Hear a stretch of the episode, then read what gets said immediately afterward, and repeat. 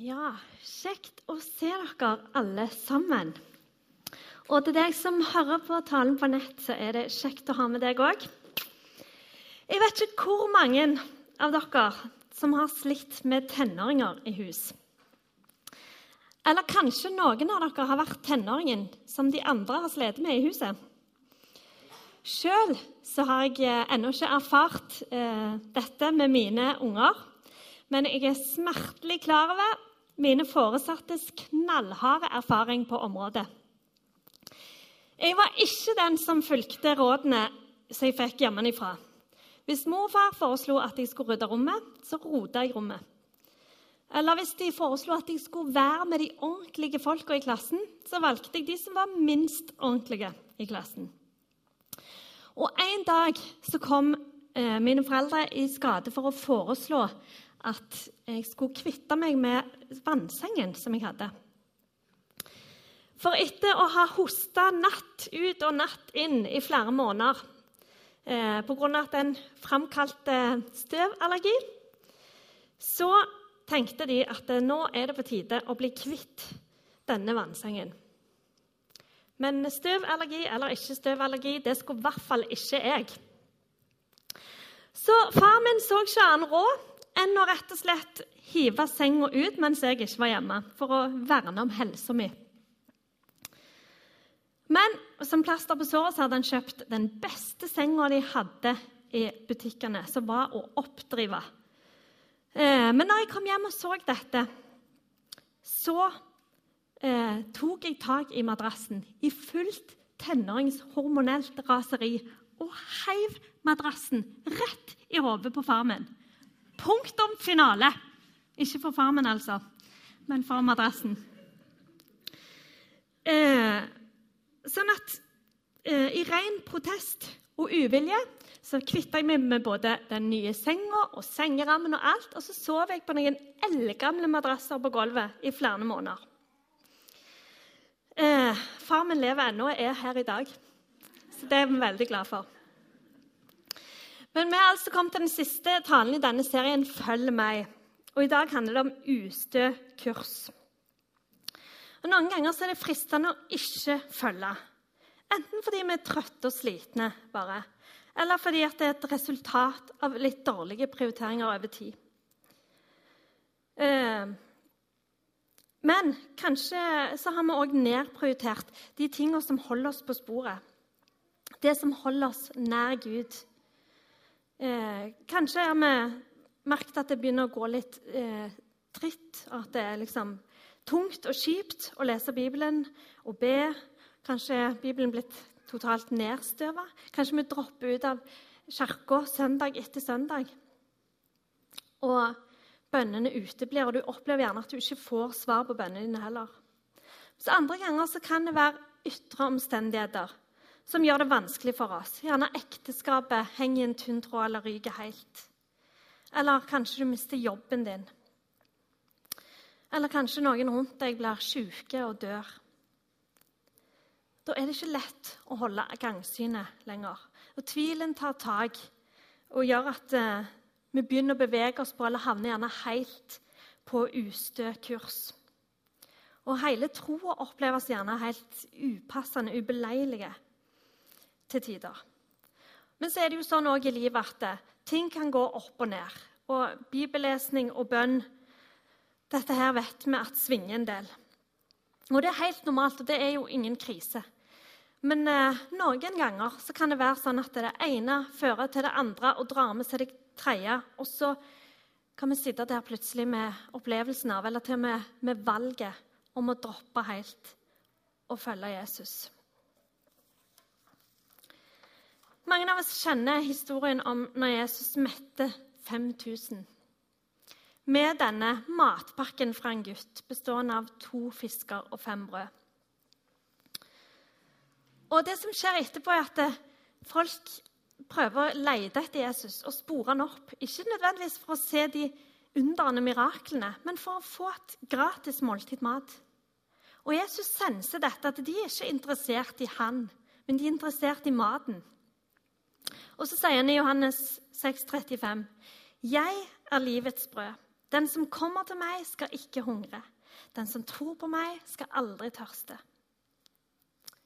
Merkelig utsagn, gjerne. Og mens disiplene gjerne prøver å eh, snakke Jesus vekk fra å ta opp dette temaet som de gjerne tenker handler om kannibalisme, så begynner folk å forlate området. Og Disiplene prøver gjerne Jesus, vær snill, snakk om noe annet. Fortell en av de fine historiene, for folk de går nå. Prøv å holde dem her heller. Men I stedet så snur Jesus seg til dem og sier, vil dere òg gå bort? De som hadde fulgt han tett og forlatt alt for å følge han. Poenget er at Jesus, det er han sjøl som har det som tilfredsstiller våre behov.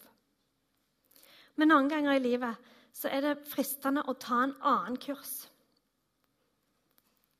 Enten det er fristelser, enten det er synd, problemer eller utenforstående hendelser som ligger til grunn. Vi vet, gjerne innerst inne hva som er det beste for oss, men det er gjerne lettere å velge annerledes. Og Til syvende og sist blir vi gjerne stående, sånn som disiplene, med spørsmålet Herre, til hvem skal vi gå? Hvis vi kommer ut av kurs, slutter å følge Jesus, så vil vi følge noe annet eller noen andre. Ralf Ditlef Kolnes sier noe sånn som dette. Den som ikke vet hvor han skal, ender som regel opp et helt annet sted. Så når det ikke er Jesus vi følger, så er det noe annet eller noen andre. Men det er Jesus som er den som kan gi oss evig liv. Så Derfor er det så utrolig verdt det å klamre seg til Jesus òg når livet er kjipt. Og vi skal se på tre grunner til å klamre seg til Jesus, til å holde seg til Jesus, selv når livet ikke er bra. Og Det er selvfølgelig mange grunner til å gjøre det, men for å slippe å sitte her helt til jul, så tar vi tre. Um, for det første du vil utvikle en urokkelig tro når du holder deg til Jesus gjennom det som er vanskelig. Jeg har delt en del ganger før at i fjor høst så havna jeg i en depresjon der jeg gikk med opplevelsen av å ikke være eh, god nok. Bare være til bry for de rundt meg. Jeg trodde en periode at jeg hadde denne jobben her eh, bare fordi at folk ikke turde å si til meg at jeg ikke dugde. Eller bare fordi at de skulle være greie med meg. Jeg opplevde at jeg var en belastning for familien min, for ungene mine, for kollegene mine for alle rundt meg. Og når jeg opplevde at noen av lederne under meg slutta, så var jeg overbevist om at det var jeg som var problemet. Jeg var grusom, derfor slutta de. Selv om forklaringen kunne være at de flytta til en helt annen by. Men det var helt grusomt å gå rundt med å være liksom, med opplevelsen at jeg er skylden til alt det dumme og vonde. Og det eneste jeg tenkte på en stund, var hvordan dette livet bare kunne ta slutt. Og jeg fikk veiledning, jeg fikk forbønn, samtaler, psykolog. Og jeg hadde noen fantastiske mennesker i livet mitt. Heldigvis. Og de hjalp meg til å finne tilbake til kursen. Og når ikke jeg klarte å se Gud eller be og ta imot, så sto disse menneskene på for meg i bønn holdt rundt meg, klemte meg, lytta til meg, støtta, heia på meg og utfordra meg. En av disse menneskene var min kollega Frode. Han malte bildet av Jesus for meg når jeg ikke klarte å se Gud sjøl. Eller når jeg ikke klarte å søke han. Og med måten han møtte meg på, så opplevde jeg på en måte at Gud var, nei, Frode var Guds representant, Guds sendebud. For når jeg beskrev alt det vonde jeg bar på, så møtte han meg og tok imot det. Så rolig og så trygg. Og han tålte det. Og For meg er dette et sterkt bilde på Jesus, for jeg er sikker på at det er sånn Jesus møter oss. Når vi kommer til han med det vanskelige, han tar imot det, Han tåler det, han er trygg og rolig. Og han er der med åpne armer. Og For meg var dette helt avgjørende for at jeg ikke valgte en annen kurs. Og Gjennom samtaler med han, med venninner, med veileder, psykolog og bøkene som jeg har nevnt før, eh, en som heter 'Jesus Calling' av Sarah Young, som også er på norsk, som heter 'Jesus kaller på deg'. Og en som heter Brené Brown sin bok, som heter 'Daring Greatly', handler om sårbarhet. Så fikk jeg verktøy til å komme meg på rett kurs, på stø kurs igjen. Og jeg opplever at troa mi bare har blitt sterkere og dypere. Han har blitt mye mer urokkelig gjennom denne opplevelsen.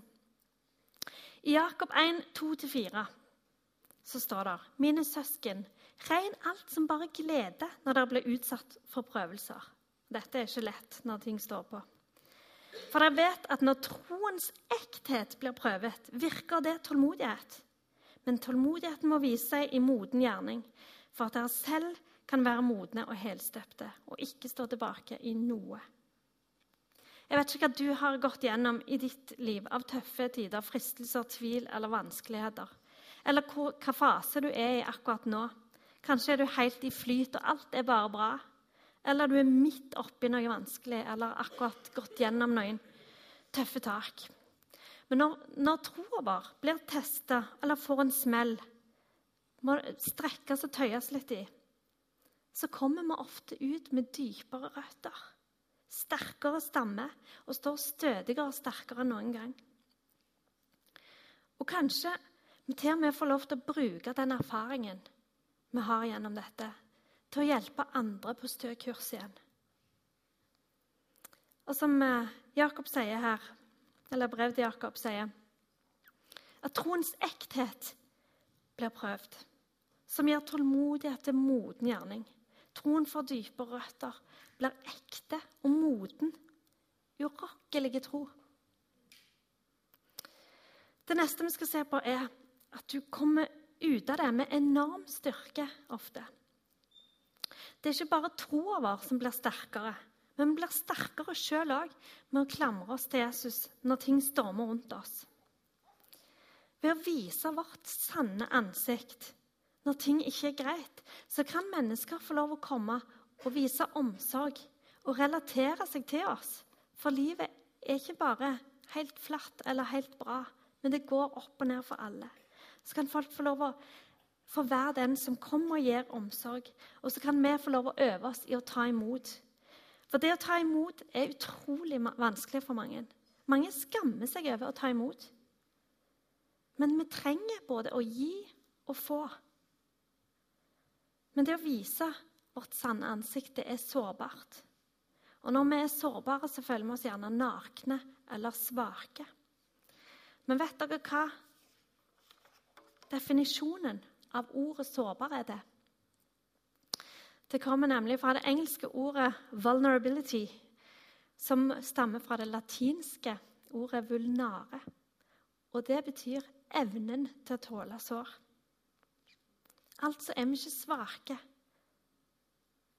når vi viser at vi har det vanskelig, men heller det motsatte. Vi viser at vi tåler å ha sår og la mennesker få se det. Hvis ordet 'svakhet' fra det engelske 'weakness' det betyr det helt motsatte. Manglende evne til å tåle sår. Jeg fikk erfare at det å legge kortene på bordet og være ærlig med livet i møte med andre det var ikke så skummelt som jeg hadde trodd. Jeg opplevde at jeg ble sterke i forhold til å våge å være sårbar og ærlig. Og Jeg vet ikke hvordan det er med deg, men jeg har ofte vært redd for hva andre tenker og mener og syns om meg. Men den frykten for, å, for, at andre skal vite at jeg har det fælt eller dumt, har blitt mindre.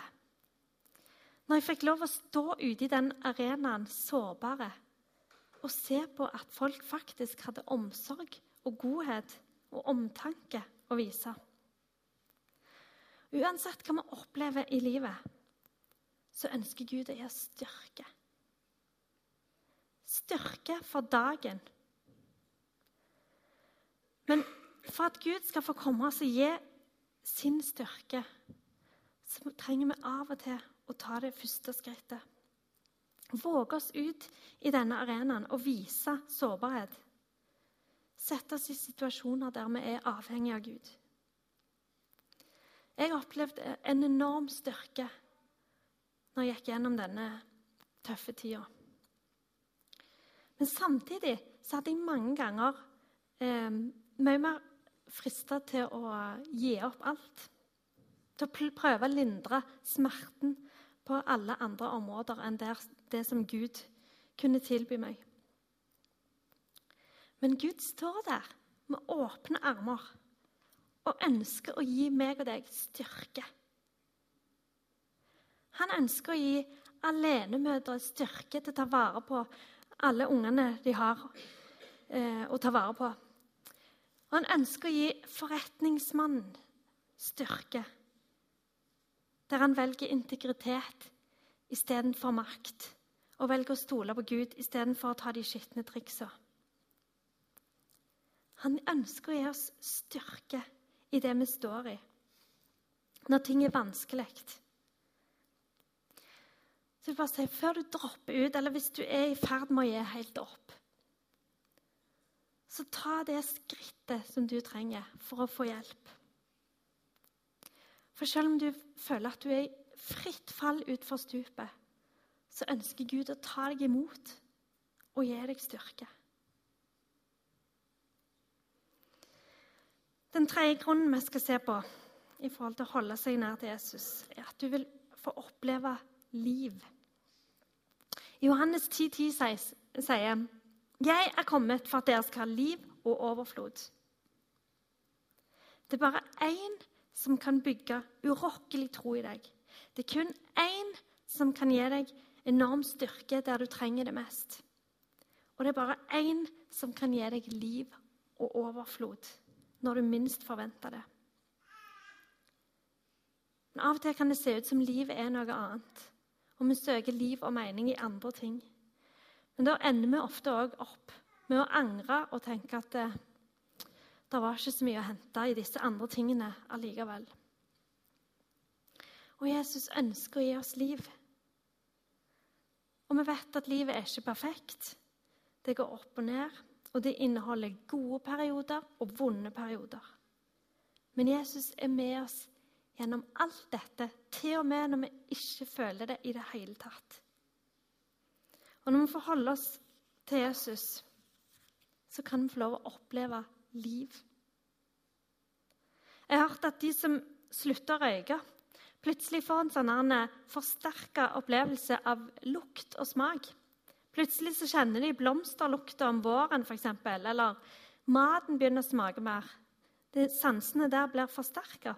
Og litt sånn så kan vi oppleve at når vi har gått gjennom tøffe tak, så kan man komme ut på andre sida, og så er livet forsterka på mange måter. For min del så var det Guds fred som ble veldig spesielt for meg. For andre er det gleden over de hverdagslige tingene i livet. For noen uker siden så var jeg på besøk hos ei venninne som jeg ikke har sett på to år ca. Det var utrolig stas. Hun åpna døra med en sånn herlig liten lyskrølla gutt på halvannet år på armen som gliste fra øre til øre. Når jeg kommer inn forbi døra, så hører jeg fra et rom lenger inn i gangen 'Hallo?' Og jeg svarer 'hallo'. Og så ser jeg et lyst, krøllet, skjønt, rundt hodet som stikker fram og sier 'Jeg vet hvor lekene mine er. Skal jeg vise deg?' 'Jeg vet hvor rommet mitt er. Skal jeg vise deg?' Og så fikk jeg lov å være med han inn og se rommet. Og Det tok ikke lang tid før jeg skjønte at her har vi med en utadvendt, ekstrovert liten fyr på fire år å gjøre. Og vi lekte, og vi så på rommet og det han hadde. Men plutselig så sier han, 'Jeg vet hvor tallerkenen din er. Skal jeg vise deg?' Og så eh, satte han seg ned med meg, og vi spiste sammen. Og han prata på inn- og utpust. Og det var riktig så koselig. Og jeg kjente bare etter kort tid at jeg ble utrolig glad i denne skjønne, livsglade, nydelige gutten som satt foran meg. Men plutselig så kom han med en bamse. En knall oransje, sånn lille trille-lignende bamse. Med bein og caps. Og Så holder han denne foran meg, så sier han denne har jeg hatt i magen min. Og jeg bare I magen din? Og jeg tenkte så det knakte. Jeg klarte ikke å skjønne hvor han ville hen. Så jeg sa noe sånn som OK. Dette er kjemo, Kasper. Han sparker alle kreftcellene i rumpa så de fyker ut. Og jeg vet du, bare kjente akkurat som noen bokste meg i magen.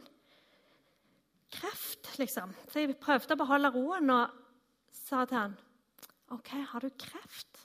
mm, sier han. Og jeg sier, 'Oi sann, da har du sikkert vært mye på sykehuset.' 'Ja, så jeg vet hvordan det føles', svarte han meg. Fire år. Så kom en venninne mi inn. Vi kunne supplere informasjonen om at eh, han hadde leukemi. Han hadde ett år igjen med behandling, men prøvene viste nå ganske bra resultater. Men i mai var denne gutten helt sengeliggende. Han kunne ikke gå fordi cellegiften påvirka nervene, så han fikk så store smerter i beina. Og mens vi satt der og spiste, så reiser han seg og sier han, jeg kan springe uten antisklisokker. Og så føyk han over gulvet som en vind. Og for fire måneder siden var denne gutten her sengeliggende uten, av, uten stand til å gå. Og jeg ble rimelig satt ut inni meg. Samtidig så ble jeg helt oppslukt og revet med av denne livsgleden. Av denne sulten som denne fireåringen hadde på livet. Og vi lekte og hadde det knallkjekt, meg og han, den ettermiddagen. Og Rett før han skulle legge seg, så spilte vi brettspillet 'Lille larven aldri mett'. Som handler om den lille larven som spiser og spiser og spiser, helt han er så mett at han sprekker og folder seg ut som en vakker, fargerik sommerfugl. Og jeg kunne ikke la være å se på dette symbolsk. Sengeliggende, ute av stand til å gå, og nå i full fart sånn ekte glede over å kjenne at beina hans bærer og kan få en bånn gass over gulvet. Og Selv om ikke denne gutten er helt frisk ennå, så ble han for, for meg ble han et bilde på, eller en påminner om, at vi ofte tar alt så for gitt. Og Gud har gitt oss livet i gave.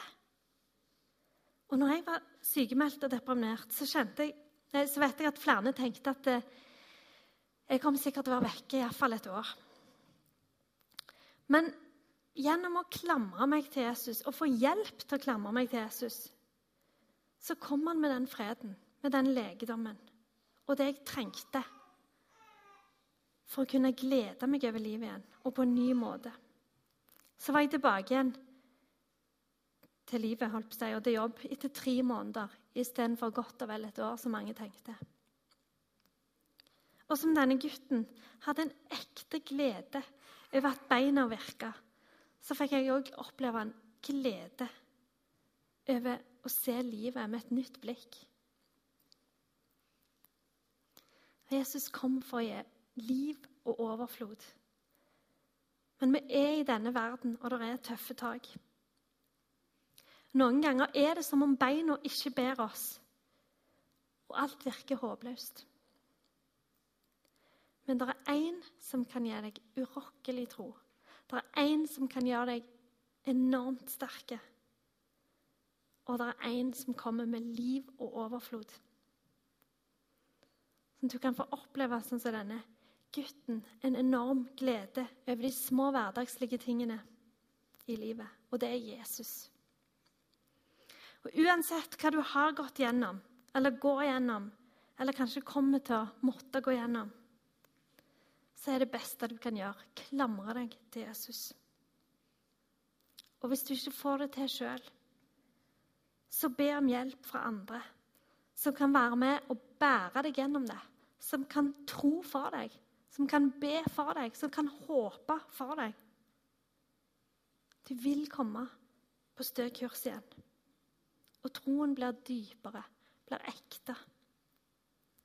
Du blir sterkere. Og troens ekthet, som vi leste i Jakob, gir tålmodighet til moden gjerning. Livet blir sterkere, og vi kan få lov å oppleve liv og overflod på en helt ny måte. Skal vi be. Himmelske Far, takk for at du sendte din sønn Jesus. Takk for at du kom med liv og overflod.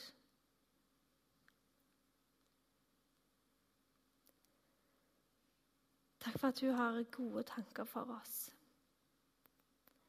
Og Herre, du har håp der vi ikke ser håp. Du har liv der vi ikke klarer å se liv. Du har styrke der vi føler oss helt maktesløse.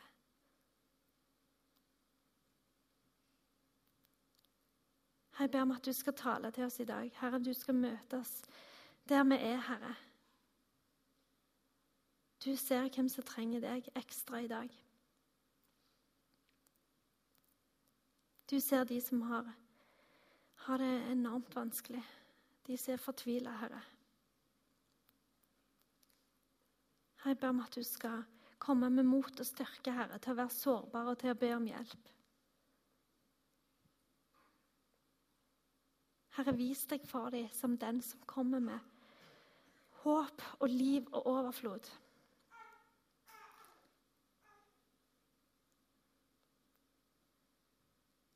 Herre, møt oss der vi er, Jesus. Og hjelp oss til å klamre oss til deg, til å følge deg når livet er kjipt. Kom, Herre.